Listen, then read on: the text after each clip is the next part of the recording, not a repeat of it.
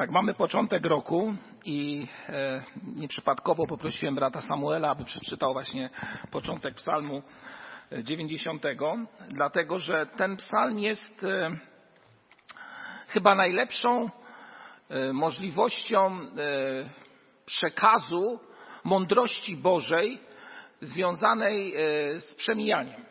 Z przemijaniem. A każdy początek roku, no, czy tego chcemy, czy nie, e, prowadzi nas do przynajmniej chwilowego zastanowienia się nad przemijającym czasem.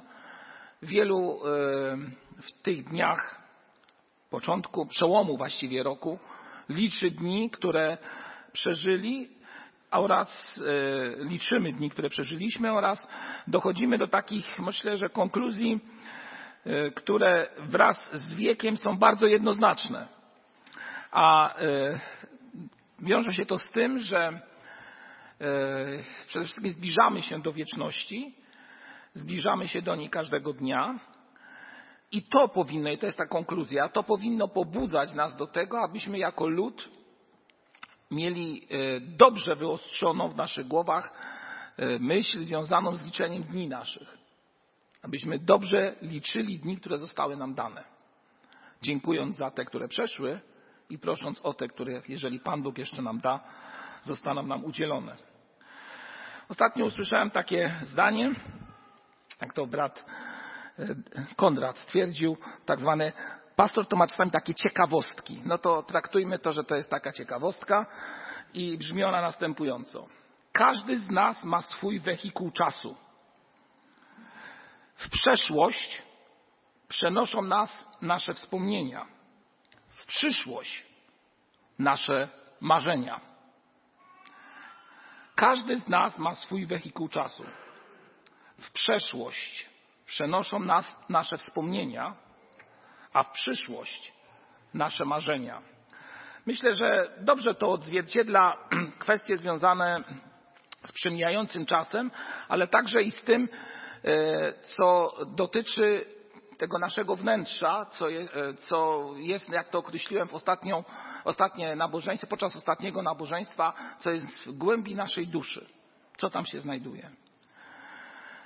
I myślę, że każdy z nas, jeżeli to słuchał tego kazania, przynajmniej na chwilę się zastanowił nad tym, a miałem odpowiedź, tak bym powiedział, od niektórych, że właśnie ta myśl związana z tym, że człowiek wejrzy w siebie, zobaczy, co jest na dnie duszy i odpowie sobie, czy jest tam lęk, strach, czy też nadzieja, pobudza nas do tego, aby przede wszystkim ufać, a licząc dni, które są przed nami, całkowicie powierzać je naszemu Panu Jezusowi Chrystusowi.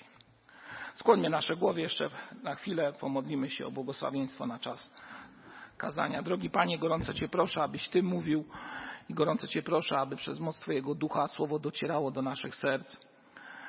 Proszę Cię, Panie, o Twoje wspomożenie duchowe i fizyczne i o Twoją wolę w tym, o czym będziemy teraz czytać, Panie, aby dzięki Twojej woli wielu ludzi tutaj obecnych, każdy z nas właściwie mógł żyć w świadomości, że jest zależny od Ciebie i bliskości od Ciebie. Błogosław proszę ten czas, który teraz będziemy mieli. Amen.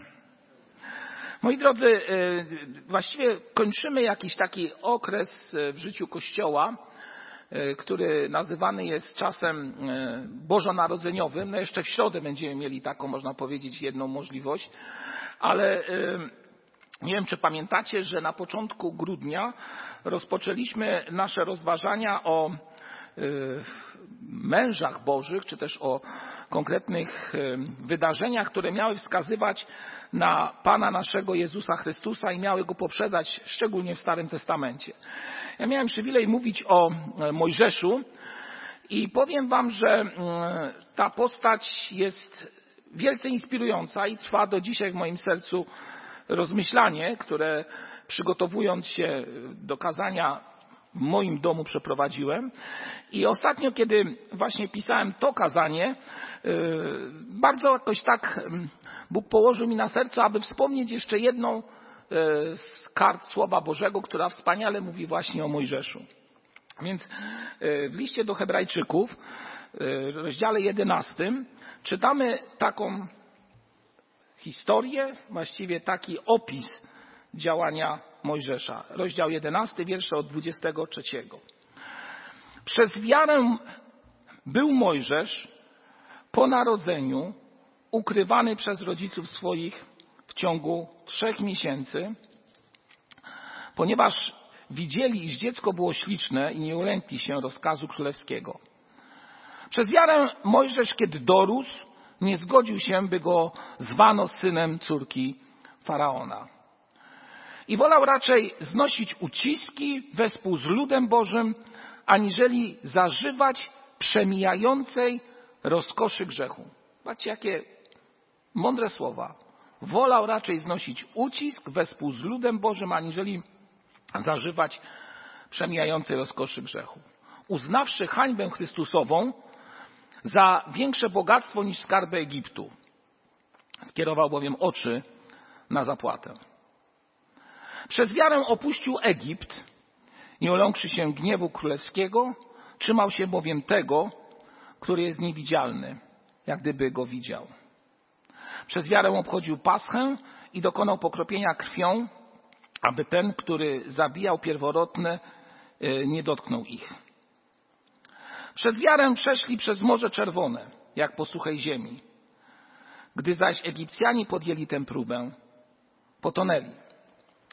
Właściwie dokładny opis albo skrót opisujący życie Mojżesza. A więc widzimy, że wszystko w jego życiu, a także w życiu jego rodziców dzieje się przez wiarę.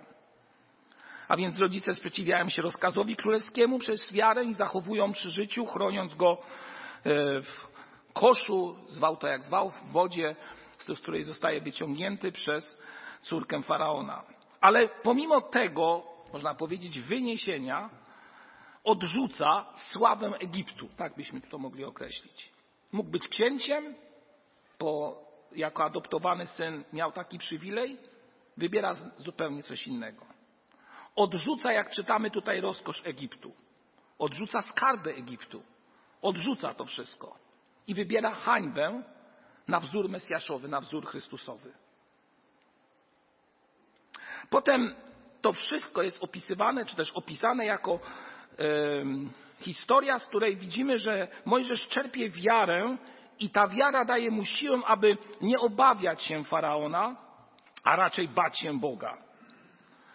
Odrzuca religię Egiptu, wprowadza paschę, czyli pokropienie krwią, oddziela się w ten sposób, byśmy powiedzieli, od bałwochwalstwa Egiptu i Bóg w sposób szczególny, można powiedzieć, doświadcza jego osobiście, ale także i cały lud przez to, że pozwala mu przejść suchą stopą przez coś, co się wydawało, że jest niemożliwe, a mianowicie przez morze. I popatrzcie, cały ten opis Mojżesza to opis człowieka, który w wierze kroczy przez życie.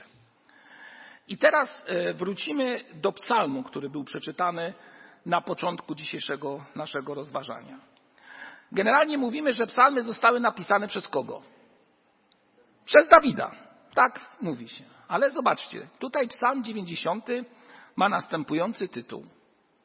Modlitwa Mojżesza, męża Bożego. Modlitwa Mojżesza, męża Bożego. I dalej czytamy opis właśnie tego, co jest, można powiedzieć, sednem życia tego człowieka i pokazanie, pokazana w tym psalmie jest wielkość Boga. Tyś był ostoją naszą z pokolenia w pokolenie. Ty jesteś tym, który w swoim gniewie i srogości czynisz wielkie rzeczy, które przerażają, tak byśmy mogli powiedzieć. I potem dodaje, wszystkie dni nasze znikają z powodu gniewu Twego. No popatrzcie, kolejna myśl bardzo istotna. Dni nasze znikają z powodu gniewu Bożego. Nad kim? Nad czym? No, nie jesteśmy ludźmi doskonałymi. I dalej czytamy taką no, fundamentalną wręcz myśl, że życie nasze trwa lat 70, a gdy sił stanie lat 80. a to, co się ich chlubą wydaje, to tylko trud i znój, gdyż chyżo mijają. I dzisiaj chciałbym Was zaprosić do tego, abyśmy zwrócili naszą uwagę na ostatnie wiersze z tego 90 psalmu. Wiersze od 14 do 17. Czytamy tam tak. Nasyć nas o świcie łaską swoją, abyśmy się weselili i radowali przez wszystkie dni nasze.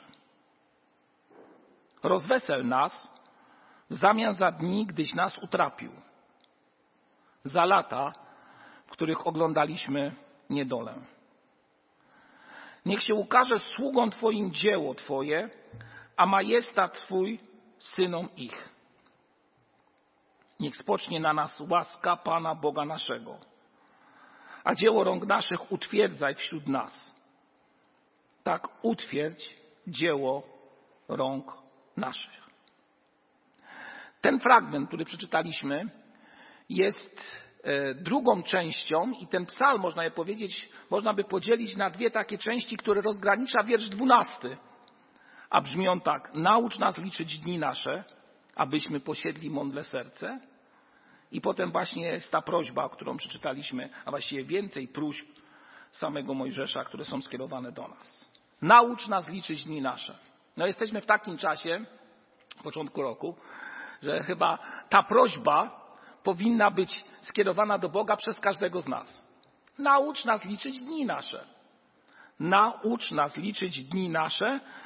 Dlaczego? Abyśmy posiedli mądre serce. Abyśmy posiedli mądre serce. Tutaj jest odwołanie do mądrości. Mądrość jest generalnie, jak to niektórzy teolodzy określają, pierwszą z cnót stworzonych, czyli Bóg tworzy tą, bo sam jest mądrością, a niektórzy dodają jeszcze, e, dzisiaj słuchałem takiej audycji i człowiek jeden wypowiadał się w następujący sposób, mówiąc, że gdybyśmy e, wejrzeli w znaczenie słowa logos, czyli słowo, które jest zapisane na przykład w Ewangelii Jana, to zaobserwujemy, że znaczeniowe znaczenie słowa logos z języka greckiego ma o wiele szerszy kontekst, a mianowicie też mówi się właśnie o mądrości, o rozumie. Słowo to mądrość i rozum. Bo w słowie mądrość i rozum może się wyrazić. Chociaż czasami nie musi u niektórych, gdy są na przykład pod różnymi wpływami. Moi drodzy, tak czy inaczej, myślę sobie, że e, gdy patrzymy na taką prośbę Mojżesza wyrażoną w modlitwie, aby Pan Bóg nauczył nas liczyć dni nasze, to jest to dla nas wzór.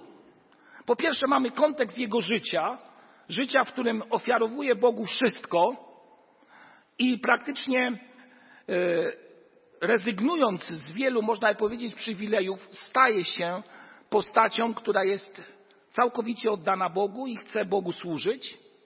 Na początku nierozsądnie, potem już mocy Bożej. Jest człowiekiem w sposób szczególny wyróżniony i myślę, że właśnie to wyróżnienie pobudza nas do tego, abyśmy te słowa też w jakiś sposób konkretny przyjęli do naszych serc. A więc o co modli się w tej drugiej części swojej modlitwy Mojżesz?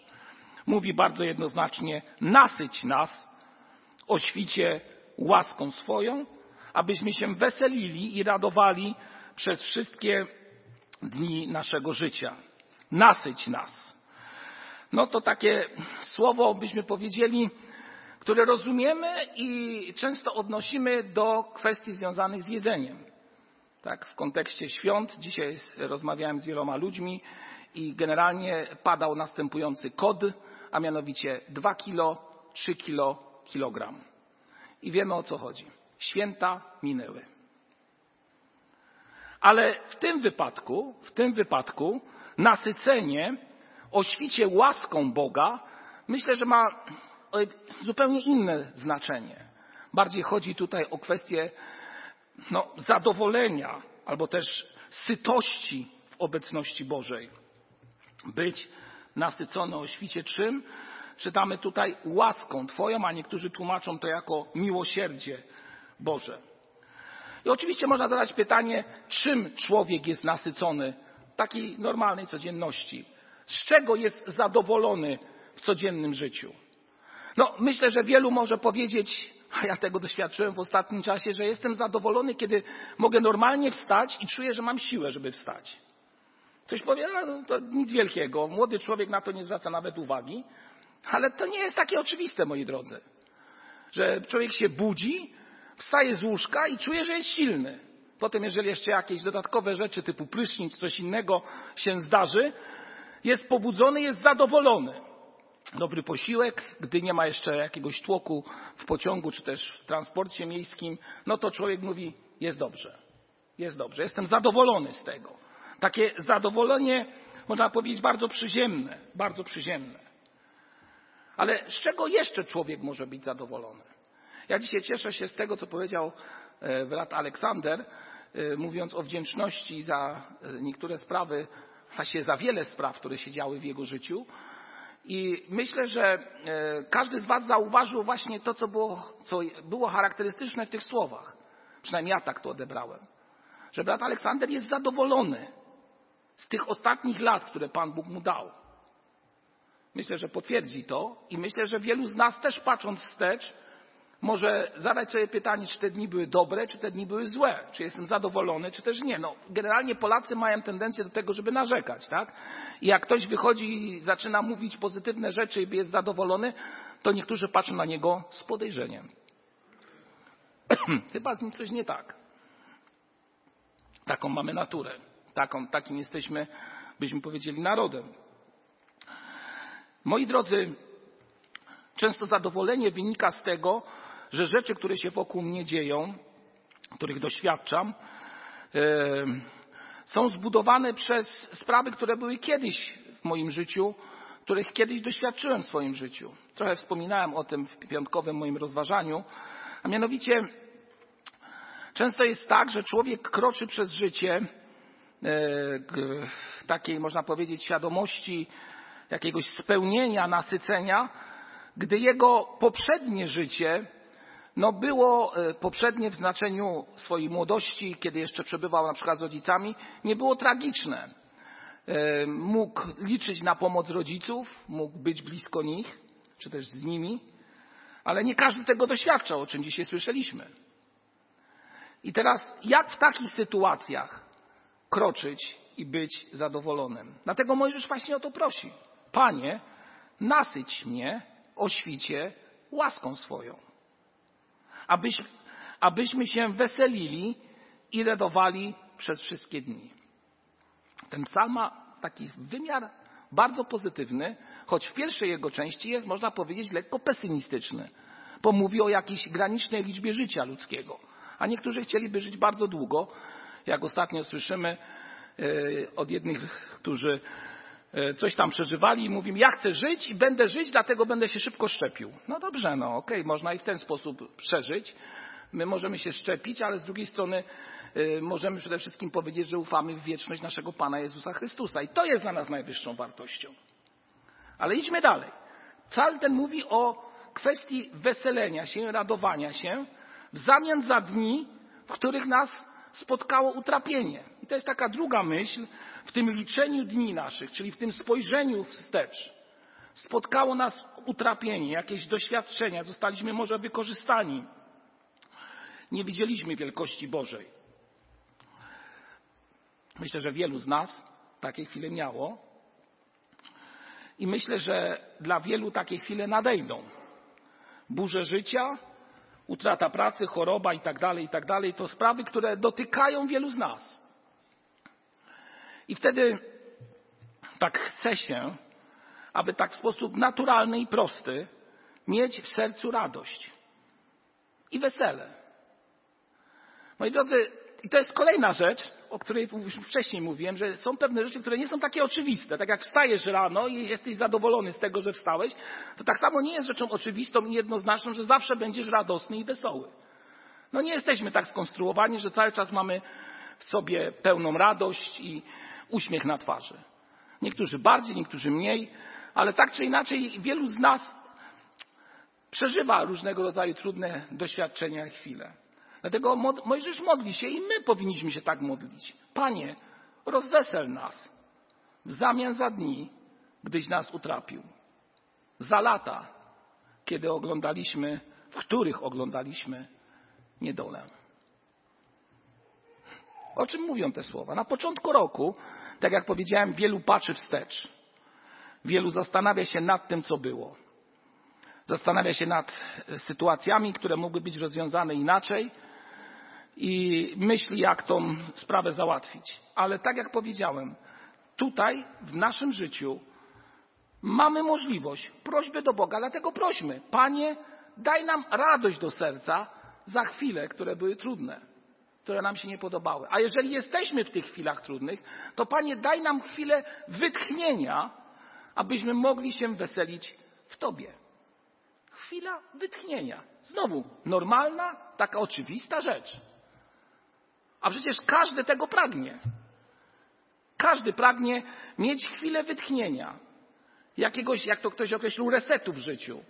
Żeby móc coś zakończyć i coś zacząć. Wejść coś nowego. No bo przecież ciągle nie możemy być w tym kieracie. Ciągle nie możemy być ludźmi, którzy są pochłonięci tą doczesnością i tak przygnębieni, że już nawet nie mamy siły na coś nowego. Podoczesność nas tak przygniata i wprowadza w ziemię, że po prostu stoimy w miejscu. A jak ktoś powiedział bardzo wyraźnie, kto stoi w miejscu w rozwoju duchowym, to się nic co robi, po prostu cofa. Bo albo idziemy do przodu z Bogiem, albo stoimy, albo też cofamy się do tyłu, wybierając inne wartości w życiu. A więc, Panie, proszę Cię, to mówię w swoim imieniu, daj radość za dni, które nam, czy też mnie, czy też nam się nie podobały. I dalej czytamy w tym psalmie słowa, które też są, no myślę, że istotne, e, pomówią już nie tyle o weseleniu się, o nasyceniu, ale mówią o wielkości dzieła Boga i wzywają nas do tego, abyśmy jako lud też w tym dziele Boża, Bożym uczestniczyli. A więc niech się ukaże sługom Twoim dzieło Twoje, a majestat Twój synom ich. Moi drodzy, ktoś powie, no znowu oczywista sprawa, ale to znowu nie jest takie oczywiste.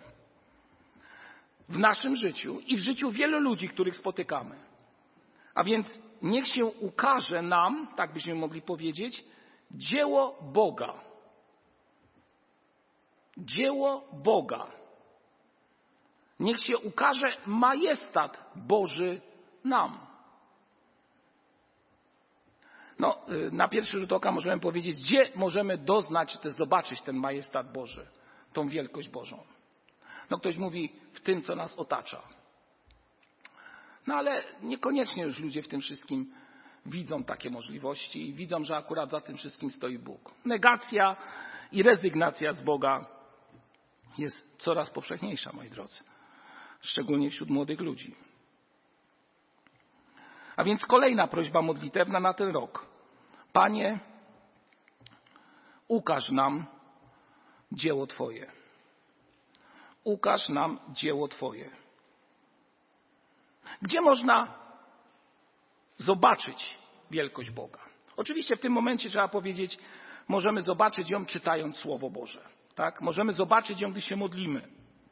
Wtedy te drzwi się otwierają.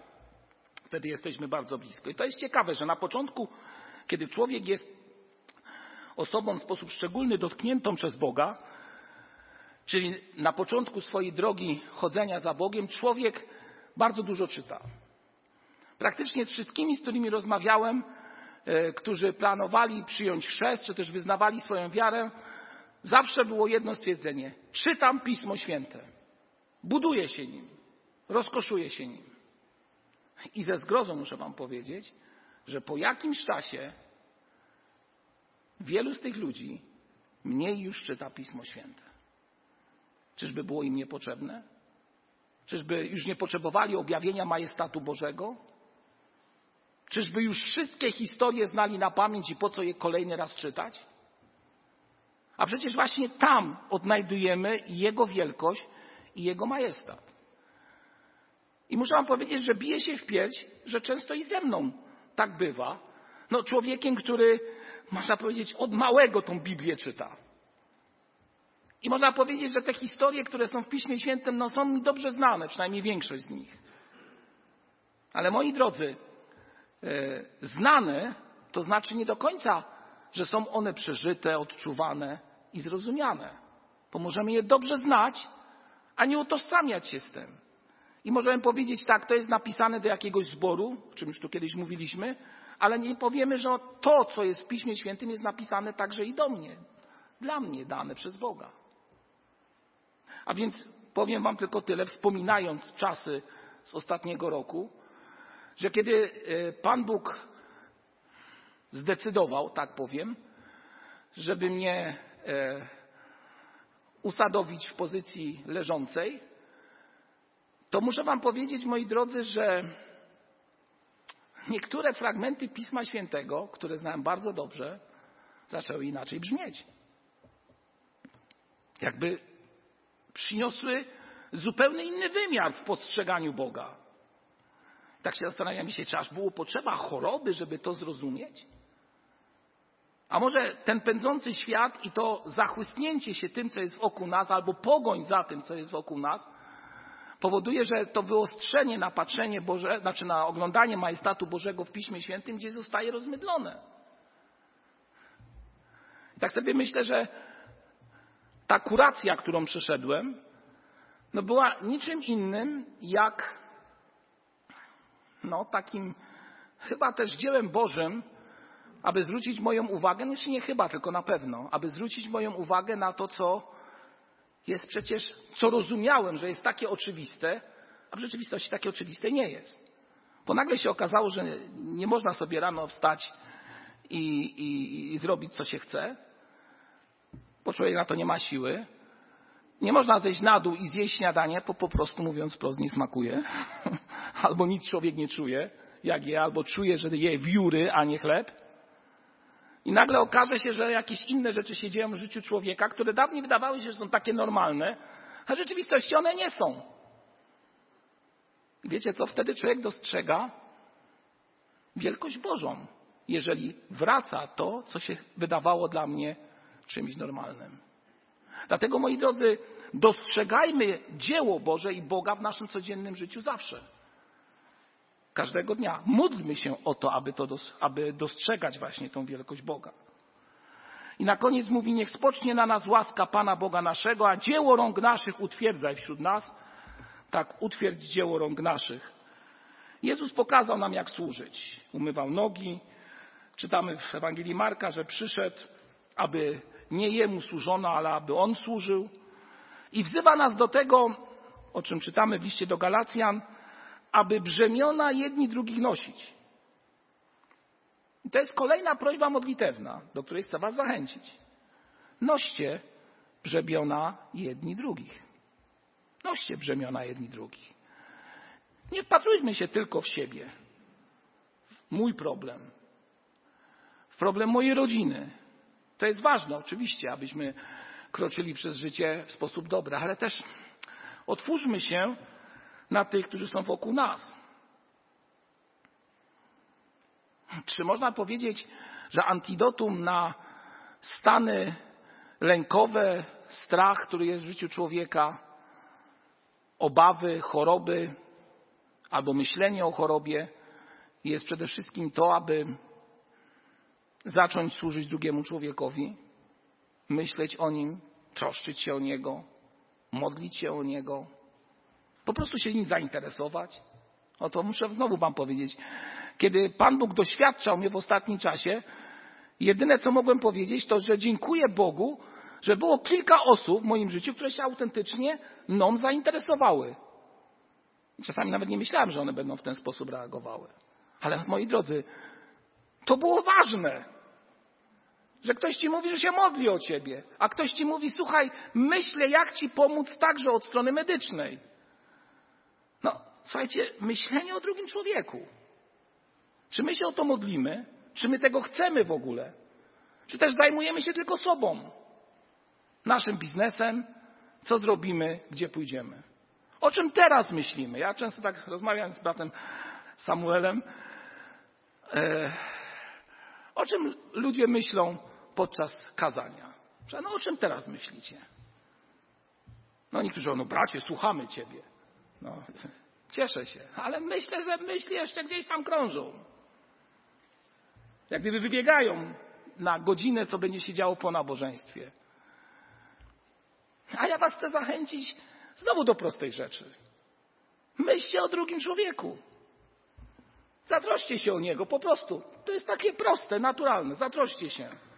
Jak się czuje, zadzwońcie do niego. Zapytajcie, jak pomóc. Po prostu. Czasami człowiek nie oczekuje wielkich elaboratów przez telefon. Wystarczy jedno, jedno nawet zdanie. Myślę, modlę się, pamiętam. Takie oczywiste.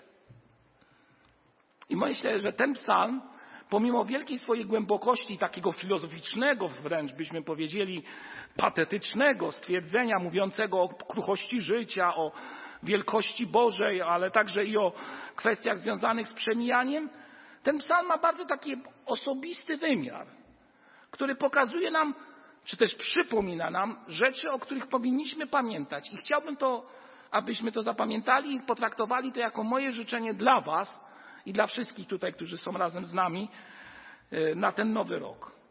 A więc po pierwsze, bądźmy nasyceni albo też zadowoleni z tego, że Bóg jest przy nas. Uwielbiajmy Go. Za Jego łaskę dziękujmy, za codzienność, którą nam daje, za takie proste rzeczy, które są wokół nas. Po prostu bądźmy Bogu wdzięczni. I wbrew naszej naturze spróbujmy prosić Boga o to, aby wlał do naszego serca więcej dni, w których będziemy zadowoleni, a mniej dni, w których będziemy jak malkontenci lub ludzie, którzy są ciągle zgorzkniali i niezadowoleni. No to też możemy taką próbę zrobić. Wpiszmy sobie w kalendarzu dzisiejszy dzień to dzień, w którym byłem zadowolony, a następny dzień to dzień, w którym byłem niezadowolony. I na koniec roku zobaczmy, ile było takich dni, a ile było takich dni. Druga sprawa. Panie, złe dni, które mogą przyjść albo przyszły, zamień w radość. Potrzebujemy, Panie, Twojej radości. Potrzebujemy Twojej radości. Po trzecie, daj nam, Panie, poznać wielkość dzieła Twojego przez Biblię, przez sytuacje, w których jesteśmy, przez to, co nas otacza. Spójrzmy na Słowo Boże, odkrywajmy je na nowo. Ale spójrzmy też na przykład na to, co nas otacza. Nie wiem, na jakieś kraje, w których jeszcze niedawno nic się nie działo, a teraz się okazuje, że jest wielkie przebudzenie. No, nie wiem, no 100 lat może w Korei byśmy spojrzeli, tak troszkę daleko wybiegam, ale to akurat jest taki przykład chyba najlepszy. To praktycznie chrześcijaństwo było w powijakach. A teraz jeden z większych krajów chrześcijańskich. Niesamowite. Dziękujmy Bogu, że On działa. Dziękujmy Mu za Jego dzieła. I ostatnia myśl do naszej modlitwy. Służmy tym, którzy są wokół nas. Tak po prostu, ze szczerego serca, do czego Was gorąco zachęcam. Powstańmy teraz, będziemy się modlić.